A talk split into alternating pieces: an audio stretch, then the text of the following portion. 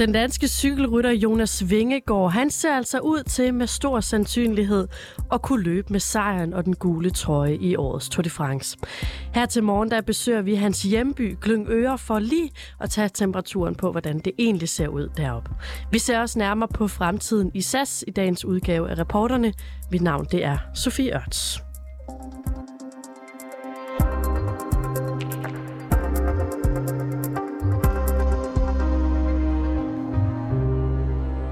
Det går nemlig rigtig godt for Jonas Vingegaard i Tour de France.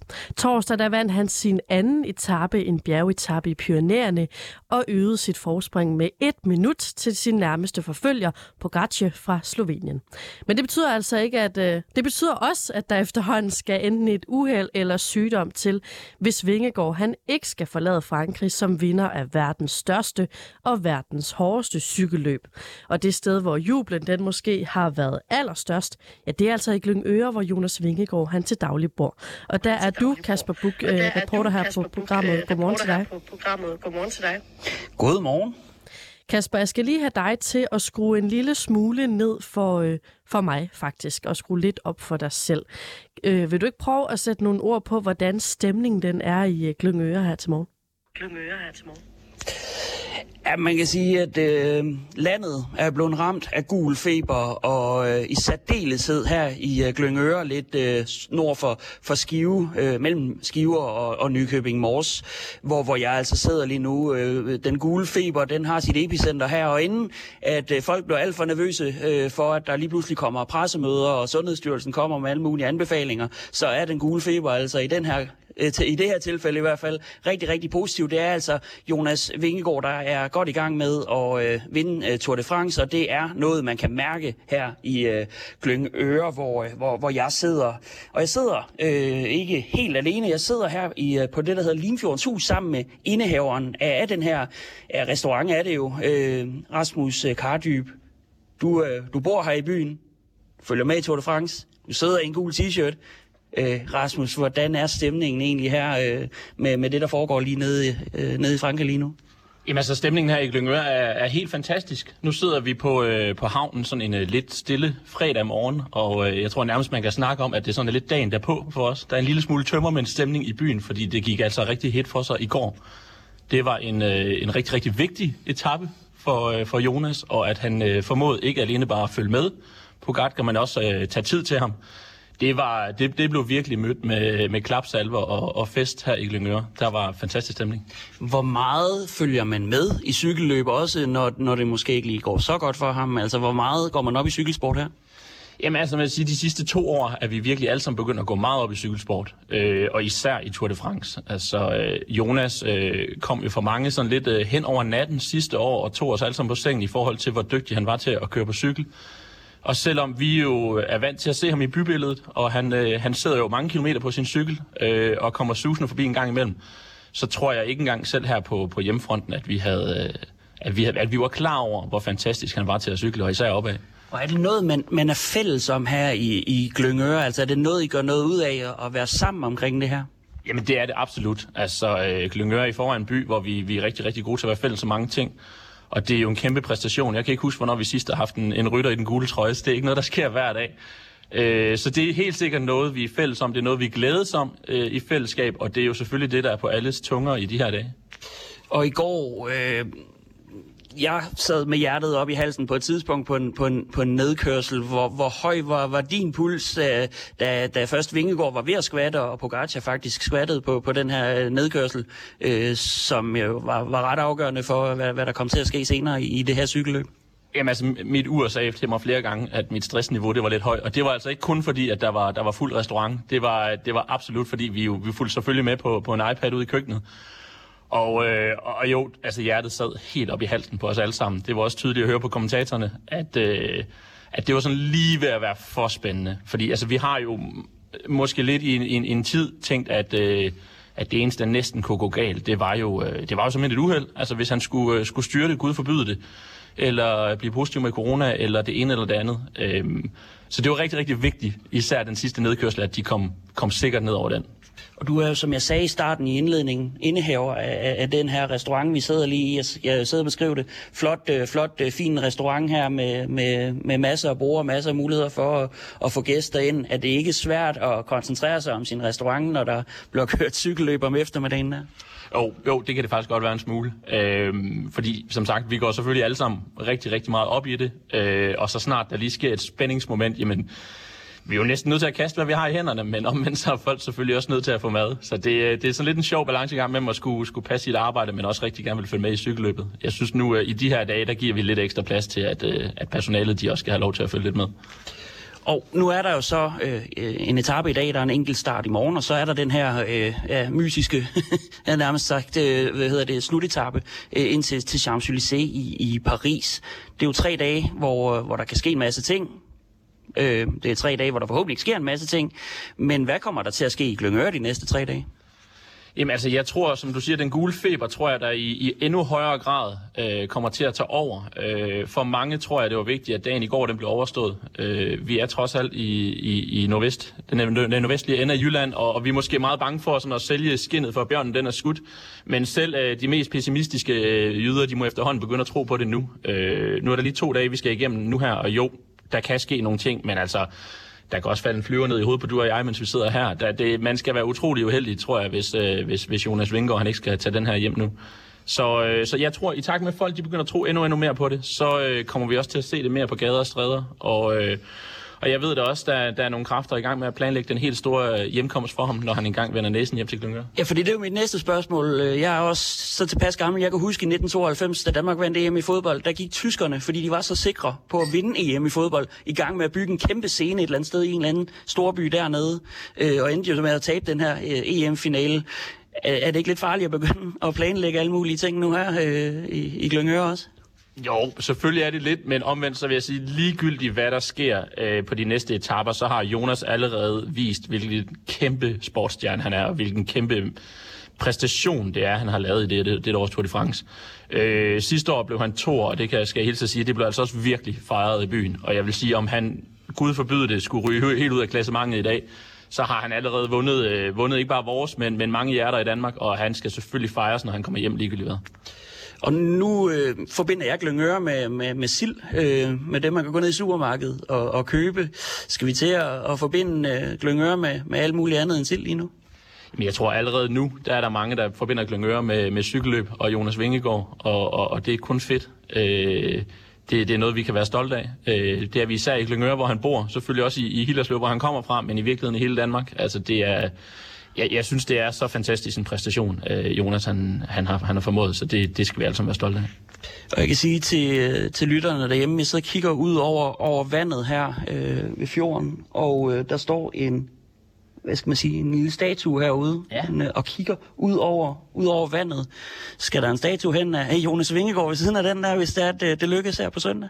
Jamen altså, for min skyld gerne. Altså nu man sige, Jonas, han, øh, han er ikke så meget til al den her opmærksomhed. Det ligger han ikke skjult på. Øh, men jeg synes det er helt sikkert, at han skal hædres. Øh, jeg så en artikel i går, hvor man kunne købe et øh, 13 meter højt gul Eiffeltårn, der har stået i Tivoli i forbindelse med åbningen. Det kunne også være, det, det, var, det var den, vi skulle prøve at se, om vi kunne finde plads til i Glyngøre. Jeg synes i hvert fald, øh, at, øh, at han fortjener hæder.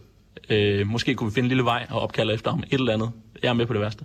Helt kort her til sidst. Hvis det lykkes, vi siger hvis, ikke noget med overtro her og sådan noget. Øh, hvornår skal man komme til Glyngøre, hvis øh, man vil fejre Jonas Vingegaard? Jamen, uden at vide det 100% endnu, så tror jeg, at øh, den planlagte hjemkomst til Glyngøre, det er onsdag i næste uge. Øh, der er stadigvæk nogle ting, der lige skal falde på plads, men jeg ved, der er øh, nogle lokale mennesker, der er i tæt kontakt med, med Trine, og ved at prøve at planlægge, øh, hvornår. Der skal nok komme en masse information ud, og jeg tror da helt sikkert, at, øh, at fejringen i år bliver ikke kun for, for, for lokalområdet. Jeg tror da helt sikkert, at vi trækker, trækker cykel, cykelfans til fra hele landet, når han skal hjem og fejres. Rasmus Kardyb, indehaver af Limfjordens Hus. Tusind tak, fordi du var med her. Velkommen. Og tak til vores reporter Kasper Buk, der som sagt var øh, i øh, Glyngøre. Og så held og lykke med at få rejst en statue af en øh, nordvestjyde. Jonas Vingegaard han har altså præsteret ud over det sædvanlige, og det har vi ikke set en dansker gøre siden øh, Michael Rasmussen, der også gik under navnet Kyllingen. Han kørte i den gule trøje tilbage i 2007. Men Michael Rasmussen han blev altså smidt ud af løbet fire etaper inden afslutningen, fordi han havde løjet om, hvor hvor han havde trænet op til løbet. I 2013 der fortalte han så i et pressemøde, at han havde taget doping fra 98 til 2010. Og Bjarne Ries, der vandt turen tilbage i 1996, øh, han har også indrømmet, at han har taget doping. Lisbeth Jessen, øh, godmorgen og velkommen til programmet. Godmorgen. Du er direktør i Antidoping øh, Danmark. Kan vi være sikre på, at Jonas Vingegaard han ikke er dopet? Det kan vi i princippet ikke med nogen, men det ville være helt useriøst for mig at stå og insinuere noget som helst om hverken Jonas eller nogen af de andre ryttere. Der har vi intet belæg for at sige. Den sidste positive test, der er lavet øh, i cykelsporten, den ligger i 2019, så øh, det er godt tre år siden. Og for de ikke indvidede i cykelsporten, øh, vil du så ikke prøve at forklare, hvordan undersøger man egentlig, om øh, cykelrytterne de er dopet? Jamen det gør man på mange forskellige måder, og man kan sige, at et sted, øh, vi bevæger os hen i de her år, det er, at vi arbejder mere og mere efterretningsbaseret. Man kan sådan i den ene hånd forestille sig, at man laver massetest af alle rytterne øh, i et givet løb, og det er jo ikke kun Tour de France, men alle de store mesterskaber, der er. På den anden hånd, så øh, bevæger vi os hen, hvor vi begynder at lave det, der hedder targeted testing, altså at vi arbejder mere efterretningsbaseret. Hvem skal vi teste? Hvornår skal vi teste? Og det er både sådan noget viden ud fra, hvad, hvad hvad, hvor længe holder medicin sig i kroppen, for eksempel. Hvordan, øh, hvad er det for nogle metoder, man bruger. Men det er selvfølgelig også på individniveau, øh, fordi vi samarbejder med rigtig med mange mennesker ude i miljøerne, der kan fortælle os noget om, hvor er det, vi skal kigge hen. Så vi arbejder mere og mere ligesom man kender det fra politiet, efterretningsbaseret. Så vi går ikke bare ud og tester i blinde, det gør vi også, men som udgangspunkt, så bruger vi sådan mere efterretningsbaseret tilgang til test i dag. Kan du forstå, at vi stiller det her spørgsmål nu, hvor øh, tre øh, danskere i hvert fald har bekendt, at de har været dopet, mens de har været i den øh, gule føretrøje? Det er jo blandt andet Rolf Sørensen, det er Bjarne Ries, og så er det Michael Rasmussen. Ja, det kan jeg sagtens forstå, og i virkeligheden kan man sige, at sporene skræmmer. Og i virkeligheden har jeg nok været mere forbavset over, at der ikke er flere, der har spurgt. At I i pressen ikke er mere kritiske, end I i virkeligheden er. At, øh, og det tænker jeg, der kan være alle mulige gode grunde til. Men, men det virker som om, at, øh, at at, at man lyset går lidt ud, når man begynder at snakke om doping, så bliver man sådan den, der ødelægger lidt den gode stemning, og det tror jeg, vi alle sammen kan forstå, for jeg sad jo lige så begejstret som alle andre og kiggede på Jonas på bjerget i går. Så vi vil godt have lov at have det her i fred. Så jeg synes, det er helt relevant at spørge. Jeg er glad for, at du gør det. Jeg synes, pressen i det hele taget godt kunne forholde sig selvfølgelig også til den side af, af cykelsporten, eller af andre sportsgrene. Tror du simpelthen bare, at vi har købt ind på en teori om, at doping det er fortid? Altså, øh, jeg ved det ikke personligt, men når man taler med nogle af de allermest kritiske journalister omkring doping i verden, blandt andet Hajo Seppelt, som er en tysk graverjournalist, som jeg tror, vi alle sammen kender, fordi han er blevet både truet og intimideret, øh, fordi han har øh, gravet sager frem i cykelsporten, blandt andet, men også i andre sportsgrene. Så noget af det, han siger, det er, at journalister vil også gerne være studieværter. De vil rigtig gerne have den gode karriere. Man bliver simpelthen øh, kørt ud af det gode selskab, hvis man begynder at snakke alt for meget om doping. Der er mange penge på spil her. Så øh, det er noget af det, han i hvert fald fremhæver som noget af der, hvor at journalister måske også kunne være mere kritiske, men, men ikke er det, eller at der bliver, sat, øh, mul, eller der bliver sat begrænsninger for, hvor meget de kan sige, øh, hvor meget de må spørge et hold eller en rytter om, øh, før at øh, de ikke gider tale med pressen mere. Kan pressen på nogen måde være med til rent faktisk at lægge et øh, røgslør ud over doping i cykelsporten? Altså jeg tænker jo, at pressen kan jo medvirke både øh, positivt ved at gøre det, som pressen er rigtig dygtig til, ved at grave sig ned i sager og opdage overtrædelser. Øh, og så kan de jo i virkeligheden også være med til at skabe den anden historie. Pressen har jo sindssygt stor indflydelse, ikke? Altså den, den, den, den, den gode sag om, om, om den gule trøje, som vi også gerne vil høre. Øh, så, så de har muligheden for både at sætte fokus på det positive, og hvis de kun gør det, så synes jeg også, det er et problem, fordi man skal selvfølgelig også forholde sig kritisk både til sportswashing, men selvfølgelig også til doping, spøgelset, som jo er også i cykelhistorien. Lad os lige se nærmere på det øh, arbejde, I øh, laver i Antidoping øh, Danmark. Hvad gør I for at sikre, at danske topatleter de ikke er dopet? Jamen, vi gør ganske meget. I virkeligheden har cykelsporten jo medvirket til, at vi gør meget mere i dag og arbejder på også med nogle, på nogle nye måder, end vi gjorde øh, bare for 10 år siden. Det vi gør, øh, det er, at øh, vi jo gennemfører test øh, på stort set alle store mesterskaber i Danmark. Øh, vi laver også test, når de er ude at træne A-landsholdet fodbold eller nogen andre, så kommer vi forbi sådan en onsdag, hvor de træner på deres, øh, deres fælles træningsanlæg. Eller vi kommer forbi alle mulige andre sportsgrene. Vi kommer forbi øh, hjemme hos cykelrytterne. Vi øh, beder dem om at medvirke til dopingtest, øh, og det er selvfølgelig ikke noget, de ved på forhånd. Det, det kan man godt bare uanmeldt dukke op hjemme hos Nej, en- men det er jo faktisk sådan, at langt de fleste af de allerdygtigste af vores atleter, de er på det, der hedder et whereabouts-program. Du nævnte det også i din indledning, det her med, vi kan godt alle sammen huske, Michael Rasmussen, Mexico ligger i Spanien. Øh, det her med, at man skal fortælle os, hvor man 365 dage om året er en time hver dag. Så vi har mulighed for at dukke op i den time, men man ved selvfølgelig ikke, hvad det er for en dag, vi dukker op. Så skal man fortælle, hvor er det, vi kan finde folk henne. Så vi har mulighed for at teste ganske, det er jo ganske indgribende i virkeligheden. Men det gælder jo selvfølgelig de allerbedste, men vi har mulighed for tester. Alle vi beder om at medvirke til en test, de skal medvirke. Og når man så kommer ud og laver de her test og, og så finder noget, hvad er det så for typer doping, man finder øh, mest af, sådan set over en bred kamp?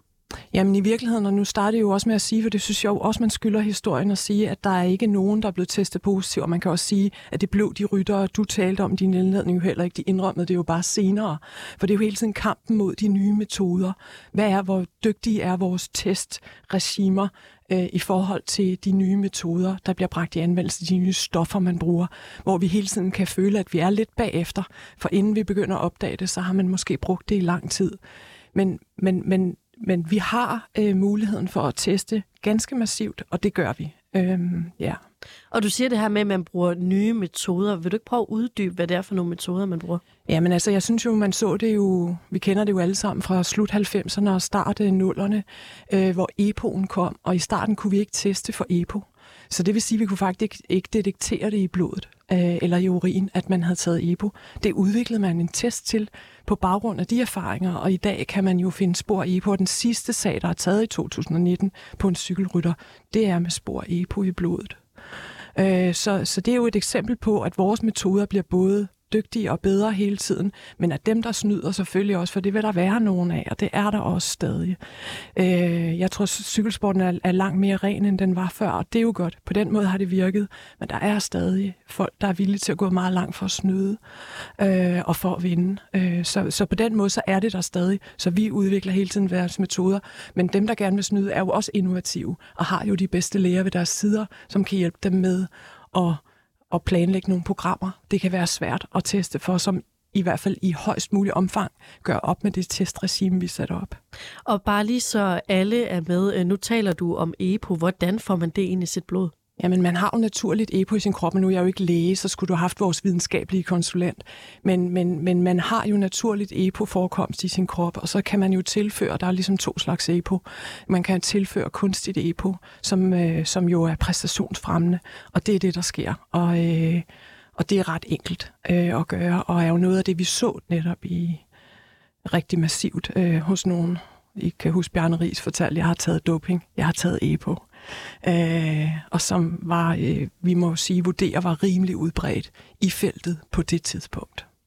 Nu må du rette mig, hvis jeg tager fejl, men jeg synes, jeg har hørt historier om folk, der er blevet dopet via en bøf. Kan der være noget om det? Ja, det kan der i princippet med mange forskellige ting. Øh, og lige præcis historien om bøffen, den, øh, den, den kender jeg ikke til bunds, men jeg har godt hørt den. Øh, men, men det er sådan, at vores testmetoder er blevet så finmasket i dag, så, øh, så at, at vi, vi skal være meget opmærksom på at begynde også fra det internationale øh, forbunds side at sætte nogle mindste grænser, altså hvor man ligesom siger, at der kan være noget, der ligger under det, vi skal detektere for. Øh, fordi at for eksempel et andet eksempel kan være, at øh, du krammer nogen, der har en bestemt slags øh, Øh, creme på, eller som på en eller anden måde er noget, der går ind og kan påvirke din dopingprøve. Men det har vi sat, øh, det sætter vi jo løbende øh, nye standarder for, øh, fordi det er selvfølgelig ikke de mennesker, vi går efter. Men omvendt må man også sige, at som atlet, det er jo også en, øh, en undskyldning, man ofte bruger og siger, det er en bøf, jeg har spist, eller jeg sad på et toilet, hvor der var nogen, der havde taget en bane kokain, eller hvad det nu er for en. Fordi det er jo nogle af de indholdsstoffer, vi også nogle gange finder. Det er jo feststoffer, for eksempel. Ikke, øh, ikke, øh, ikke udbredt hos cykelfelt, men, men hos alle mulige sportsudøvere. Mm. Så, så man kan jo komme med mange forklaringer. Der kan man sige, der har man bare som atlet selv Altså, der har man selv ansvaret for at sikre sig, at man ikke sidder på sådan et toiletsæde, eller man ikke indtager en bøf, der kan indeholde spor af noget. Men det er klart, at, at hvis det er så minimalt, så har vi også i dag nogle systemer, der kan sige, at man under den grænse, så er det ikke sandsynligt, at det er taget i et præstationsfremmende formål. Og så bare lige for at opsummere her til sidst, som du også har fortalt, så kan det være ret svært at opdage det her, især fordi der bliver lavet øh, nye metoder hele tiden. Det er nogle af de dygtigste læger, som blandt andet kan hjælpe cykelryttere i Tour de France, hvis de skal have fat i doping. Vil det også sige, at vi ikke kan udelukke, at der lige nu er cykelryttere, der deltager i Tour de France, som er dopet? Ja. Lisbeth Jessen, øh, tak fordi du kom forbi. Som sagt, altså direktør i øh, Antidoping Danmark. Senere i dag, der venter den 19. etape af Tour de France. Her der skal rytterne blandt andet forbi Chateau de Kajs, der altså tilhører det danske kongehus. Du kan blive opdateret på etappen i programmet Frankrig Rundt, der bliver sendt her på kanalen fra 15 til 18.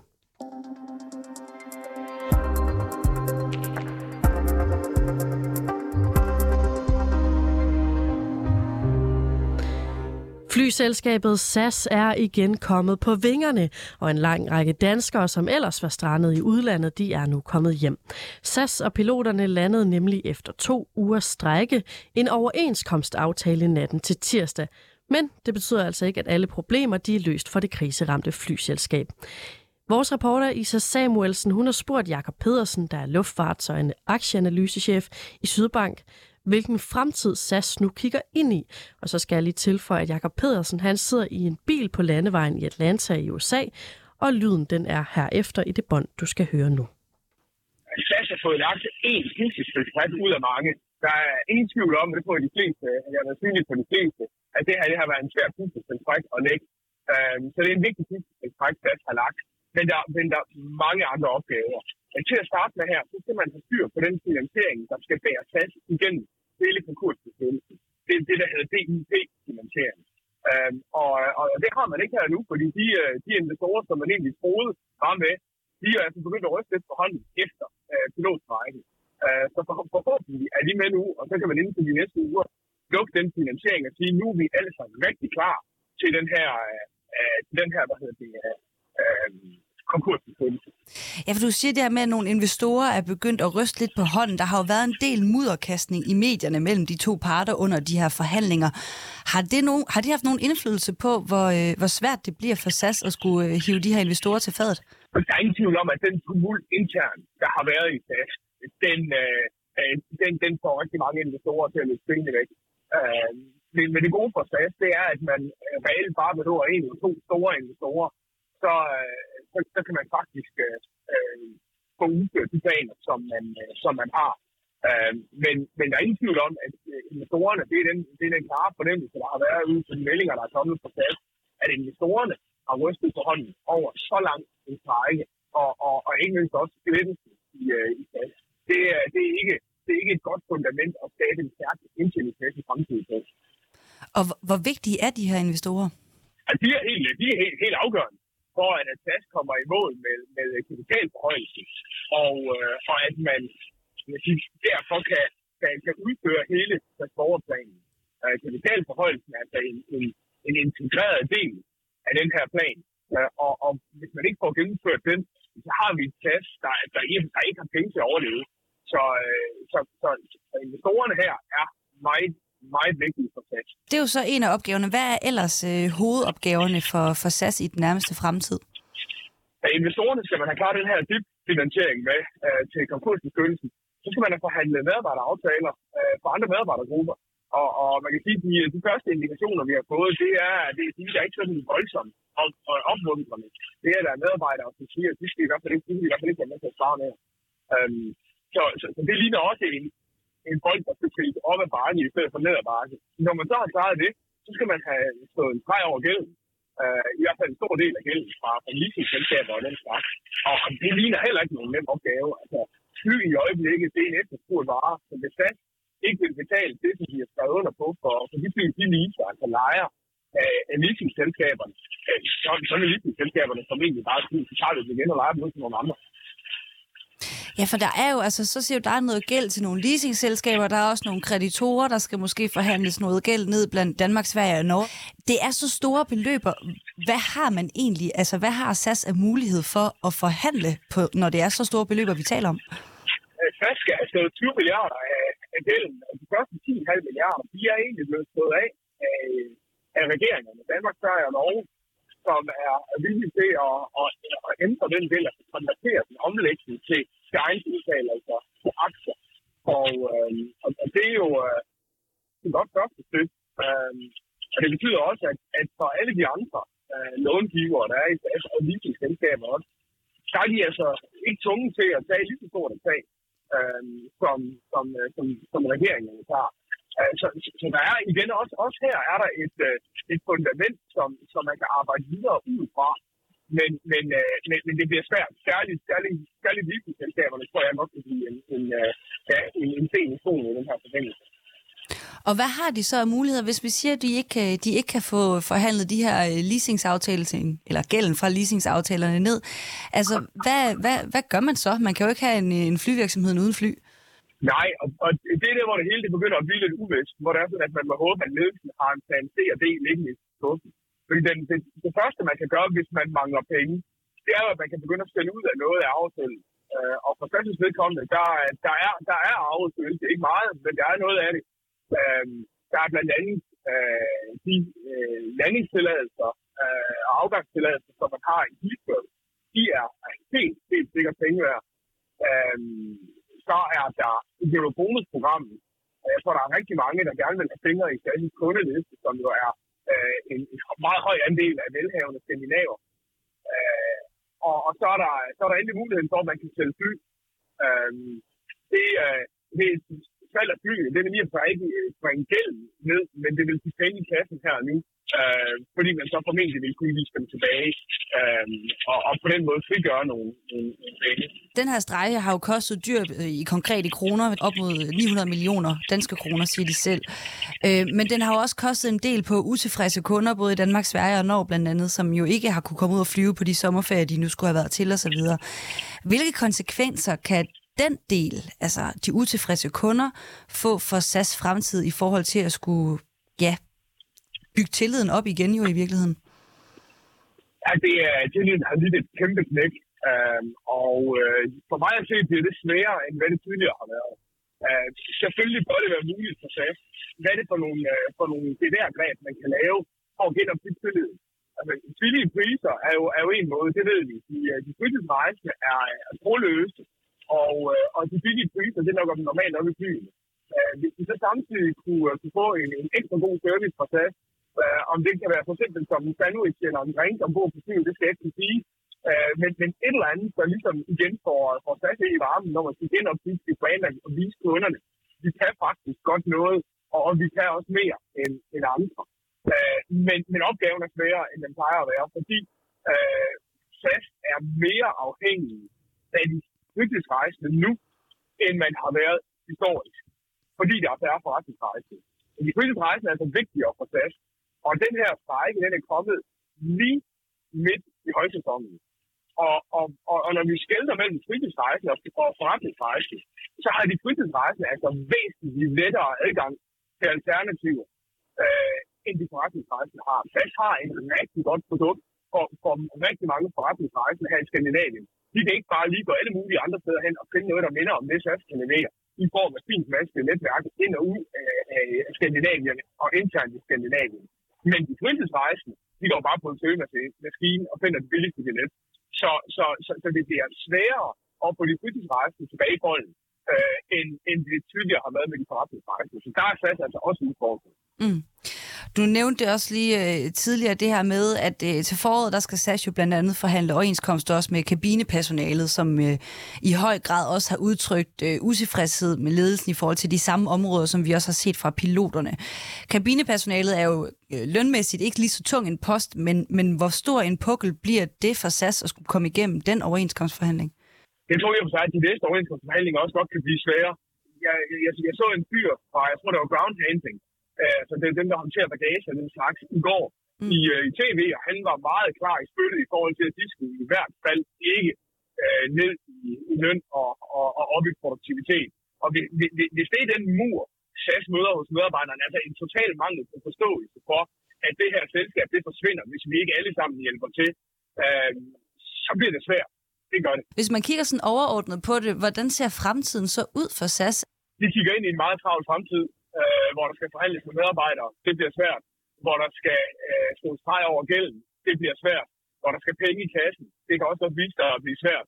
Øh, derudover, så må man sige, hvis, hvis man lykkes med det her, så lykkes man jo i at sig med SAS overplanen. Og så har man bragt omkostningerne markant ned og, og skabt en meget bedre struktur i selskabet. Og, og så har man også et stærkere fundament for at blive profitabel og tjene penge i fremtiden, end man har haft meget, meget længe. Men det er godt nok nogle store opgaver, man skal nå igennem først. Tror du, vi kan købe SAS-billetter om fem år? Det håber jeg meget, vi kan. Uh, uh, jeg er, er ret overbevist om, at SAS' brand det får lov til at overleve. Uanset hvad der sker med selskabet, så forestiller jeg mig, hvis vi kommer dertil, hvor det bliver en eller anden form for konkurs, så forestiller jeg mig, at der vil være øh, andre, der, køb, der køber brandet og køber nogle af de dele af, af konkursbådet, som, som det giver mening at føre videre. Og, og en af de dele, det vil være brandet, helt klart.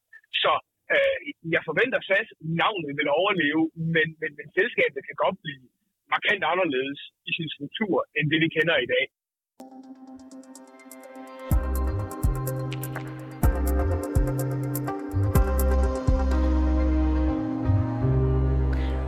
Machiavellisme og plausible deniability.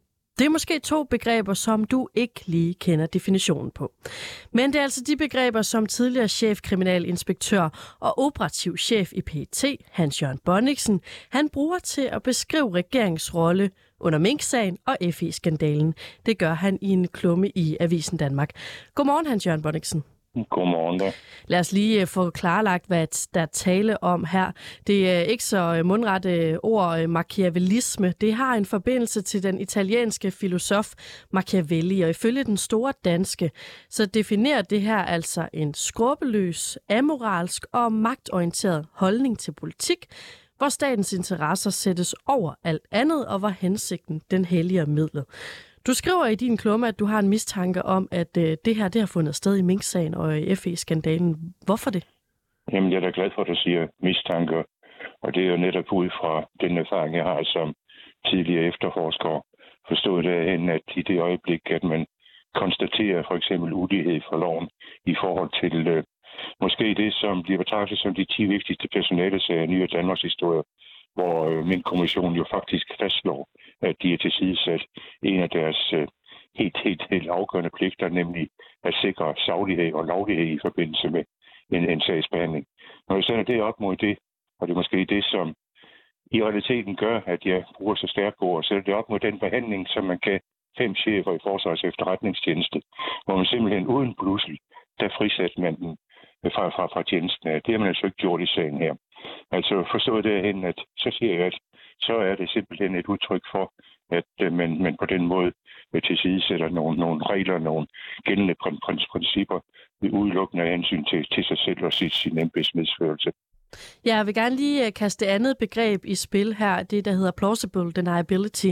Det handler om evnen til at benægte involvering i en ulovlig eller en uetisk politisk aktivitet på grund af manglende beviser, og de manglende beviser vil så gøre den her benægtelse plausibel. Mener du, at det er det, som øh, regeringen er i gang med? Jamen, jeg mener klart, at, øh, og jeg understreger jo, det gør flere gange i min klumme, at det er en mistanke, og en mistanke det er en fornemmelse at noget et eller andet er galt. Ikke? Og så henviser jeg til det, som er almindeligt kendt, i hvert fald i forhold til den branche, jeg har været i, nemlig efterretningsvæsenet, at CIA i, under, under Kennedy-perioden faktisk øh, uh, brugte det, man kaldte plausible deniability til at, uh, så, så at sige, afskærme administrationen og præsidenten for deres beskidte ulovlige operationer. Og det gjorde de øh, planmæssigt på en sådan måde, at man fjernede alle spor og hvis man kigger på sagen her, jamen, så er det jo helt entydigt. For eksempel at sms-beskeder, notater og lignende i sagen her jo faktisk er, unddraget af undersøgelse. Så det er jo fuldstændig totalt identisk med det, man i sin tid kaldte plausible deniability. Og det medvirker så til, at fyrsten, altså statsministeren, jo kan gå ud og sige, jamen, det kender jeg intet som helst til. Det er noget, som, som er foregået, som, som man er unddraget min, min, min viden. Og dermed bliver det så en plausible forklaring. Så din mistanke er, at fordi man simpelthen har de her, simpelthen har de her manglende beviser, så kan man på en eller anden måde gå ud og legitimere øh, det, der er foregået? Ja, øh, det kan man jo, for det så er man jo i hvert fald på, på, på, på det ydre plan, så, så tænder man jo ikke klap til, til, til sagen, og på den måde, så kommer man jo med en plausibel øh, forklaring, som, som ikke kan, kan anfægtes. Og det kan være en, en planmæssig gennemførelse af et, et, et forløb, som det var i forhold til CIA. Men stadigvæk siger jeg, at det her, det er en mistanke, det er en løs formodning, og det er ikke engang en konkret mistanke, men jeg synes faktisk, at øh, i det øjeblik, man er udsat for mistanke, jamen så bør man jo medvirke til, at den mistanke den bliver erklæret for, for ubegrundet. Og øh, jeg stiller mig selv et spørgsmål, om statsministeren Mette Frederiksen kan leve med embedsmænd, der efter min kommissions opfattelse har sat sig ud over deres fornemmeste pligt, nemlig at sikre sandhed og lovlighed. I hvert fald må man konstatere, at det er tilfældet i øjeblikket. Og også, at hun som Cæsars hustru er hævet over enhver mistanke. Ja, du... Er hun altså uden, uden blusel afgjort med sig selv.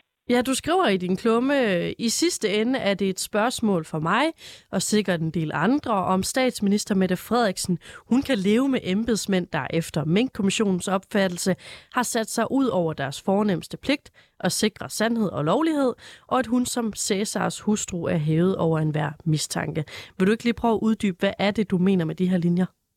Jamen, jeg mener faktisk, at i øjeblikket må man konstatere, at, at 10 embedsmænd, som efter efter min kommissions klare opfattelse at se ud over den forhåndste pligt, som eksisterer for embedsmænd, at sikre sandhed og lovlighed, de fungerer stadigvæk deres embede. Der er man ikke taget stilling til, som man gjorde, som sagt, uden pludselig i forhold til fem ledende forsvars- efterretningschefer.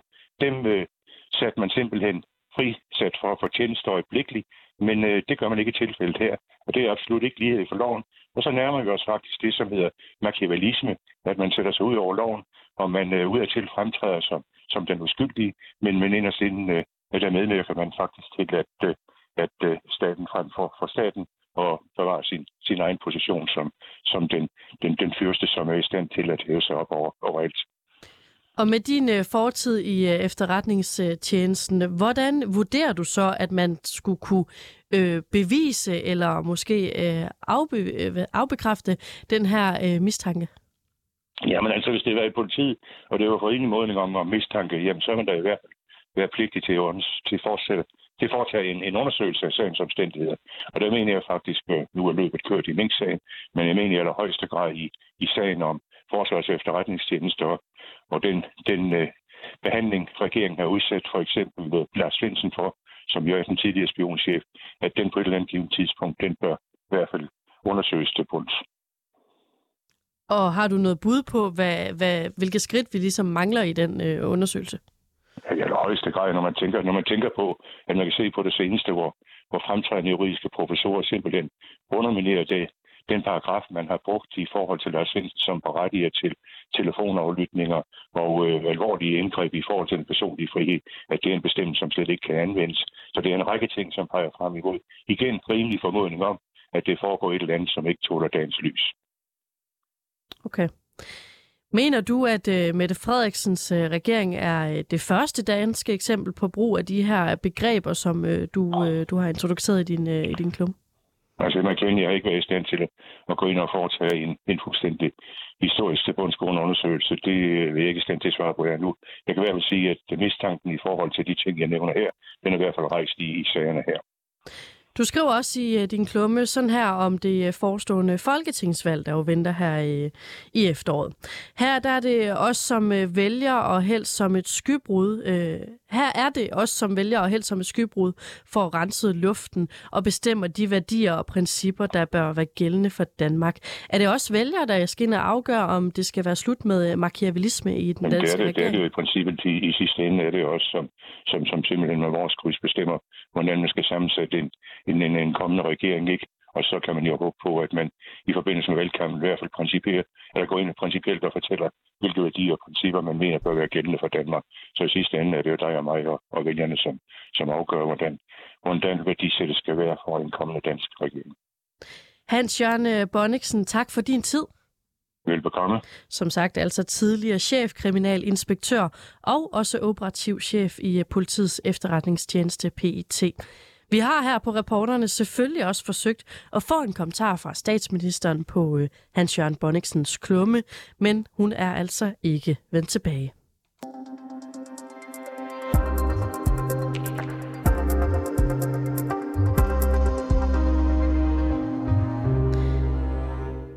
Ved det helt sikkert godt, og måske har du endda også gået og småirriteret dig lidt over det.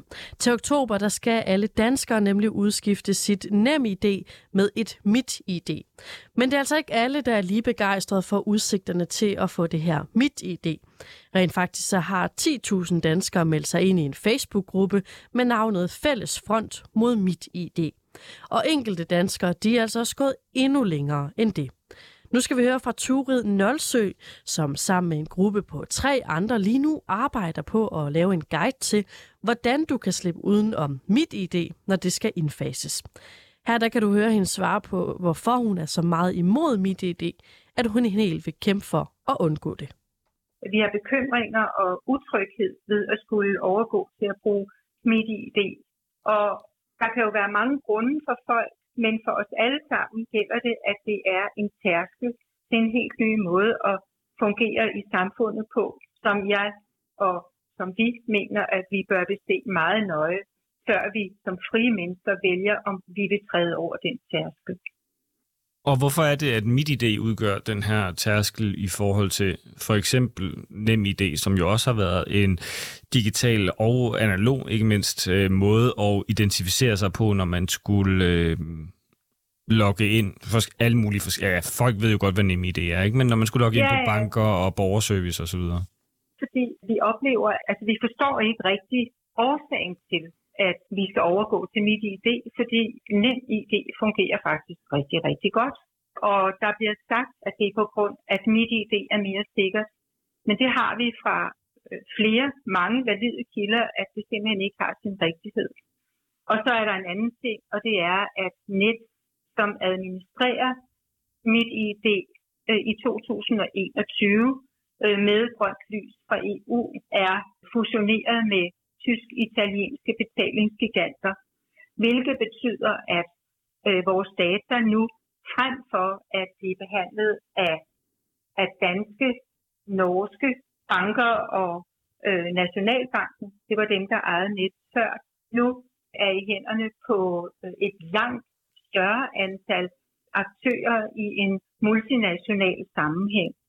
Og det føler vi os ikke trygge ved, specielt også fordi, at vi har fået at vide, at øh, vores data, hvis man først går ind i øh, mit ID, altså bruger det, øh, så, går vores, så bliver vores data beholdt i fem år. Og så spørger vi, hvad skal de data bruges til? Hvem har adgang til de data? Og hvorfor får vi ikke det at vide fra starten? Så der er mange ting, men sikkerheden synes vi i hvert fald ikke, det virker som om det er af de her årsager. Men I Sikkerheden. Ja, ja, men I bliver, I bliver forsikret om, eller det gør vi, at Digitaliseringsstyrelsen, som står for implementeringen af MitID, at det sker af sikkerhedshensyn, og at MitID vil være sikrere. Og det kan godt være, at jeg er systemtro her, men, men, men, men hvorfor er det, I ikke stoler på, på dem? Altså, jeg kan ikke se et umiddelbart argument for, at, at de skulle øh, fordreje sandheden. Nej, altså jeg ved heller ikke, om de fordrejer sandheden, men øh, nu har vi jo heldigvis en nogenlunde fri debat i Danmark, og øh, der, der har været mange fremme, øh, blandt andet Claus Birkholm fra øh, Teknoetik, som også har været medlem af det etiske råd, som har fremført de her punkter imod mit ID. Og øh, altså mit ID er ligesom samlingspunktet for hele den her enorme digitalisering, som der er gang i lige i øjeblikket, og som er til stor fortvivlelse for rigtig mange mennesker.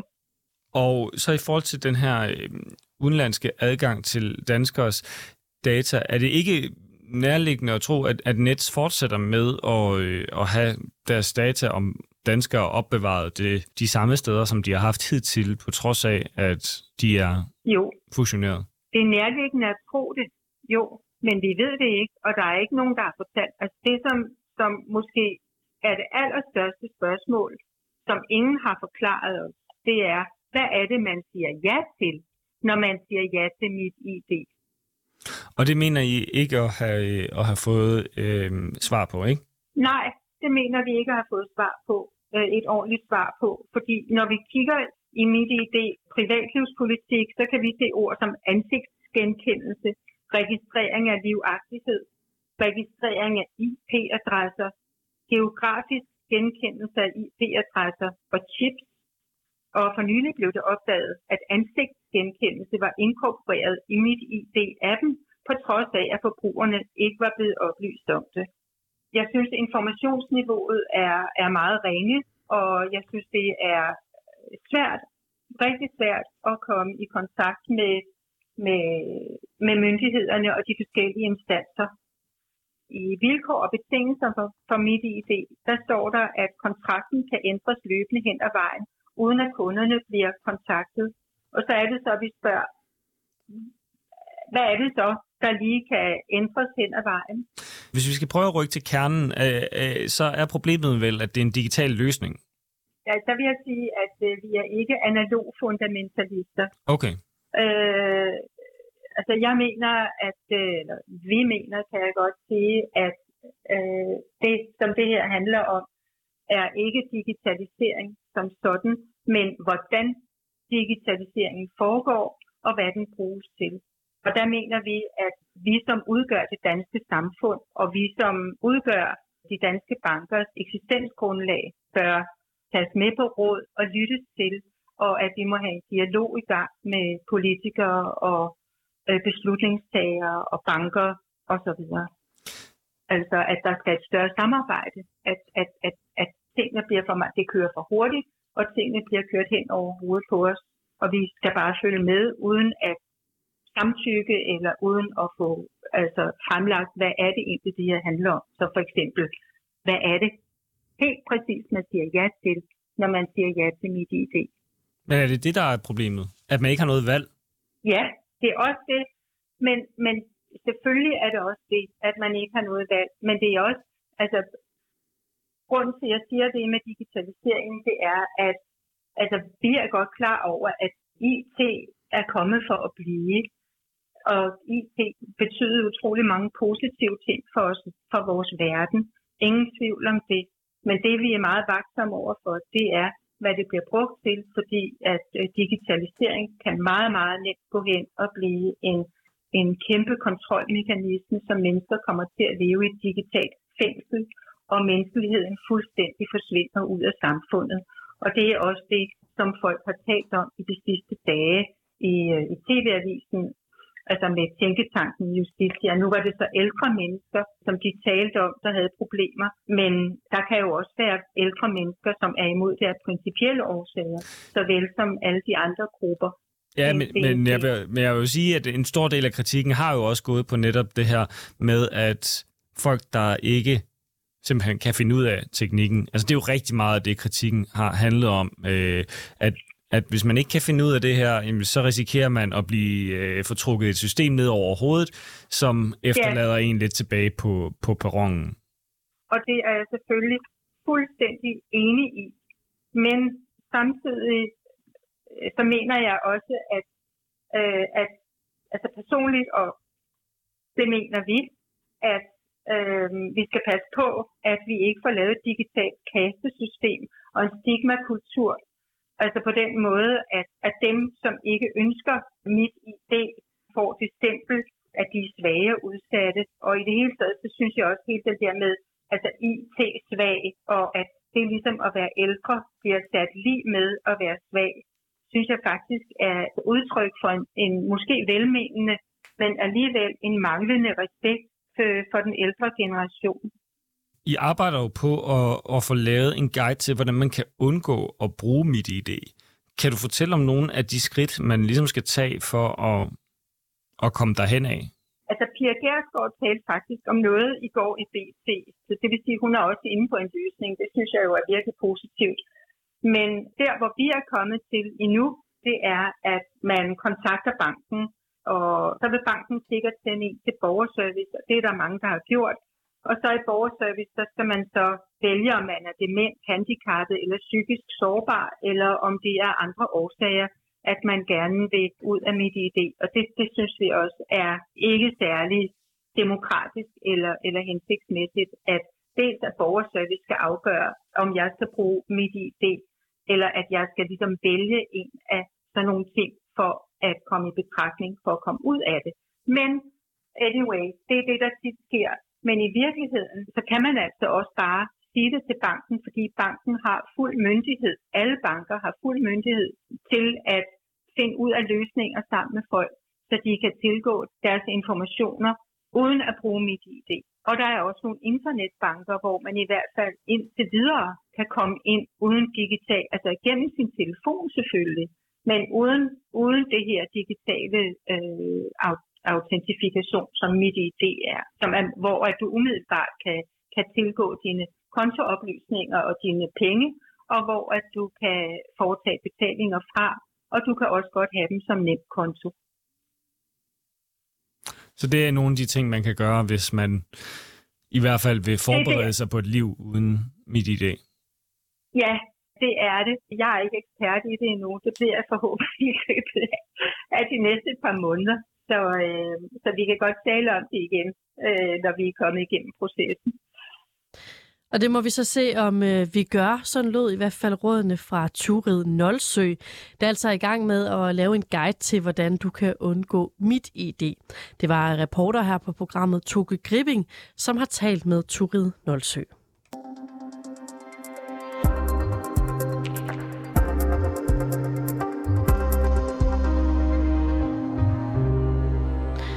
Vi nærmer os øh, klokken øh, 9, og det her var også øh, alt, hvad vi nåede i dagens udgave af reporterne. Det var på en dag, hvor stormløbet mod den amerikanske kongres den 6. januar sidste år, det fylder meget i de internationale medier. Torsdag der blev nemlig dagen for sommerens sidste afhøring i sagen, hvor et udvalg skal klarlægge, hvad der førte til stormløbet på kongressen. Og vidner har netop været ude og forklare, hvordan den tidligere amerikanske præsident Trump, han sad og fulgte med i stormløbet på sit tv i flere timer. Timer, hvor han nægtede at sætte en stopper for volden. Han ignorerede i hvert fald opfordringer fra både sine børn og sine rådgiver om at gøre netop det, lyder det i vidneudsagnene. Der gik 187 minutter fra Trump han holdt en opildende tale til sine tilhængere, til at han sagde, at de skulle gå hjem. Trump selv han fastholder, at han ikke har gjort noget forkert, og at han tabte valget på grund af valgsvindel. Vi følger op på de her høringer om stormløbet mod kongressen, når reporterne er tilbage igen på mandag. I dagens program der var det mig, Sofie Ørts, der var vært, og Christine Randa, hun var producer. Husk, at du kan høre alle vores programmer som podcast, lige der, hvor du plejer. Du kan også hente vores app 24 /7.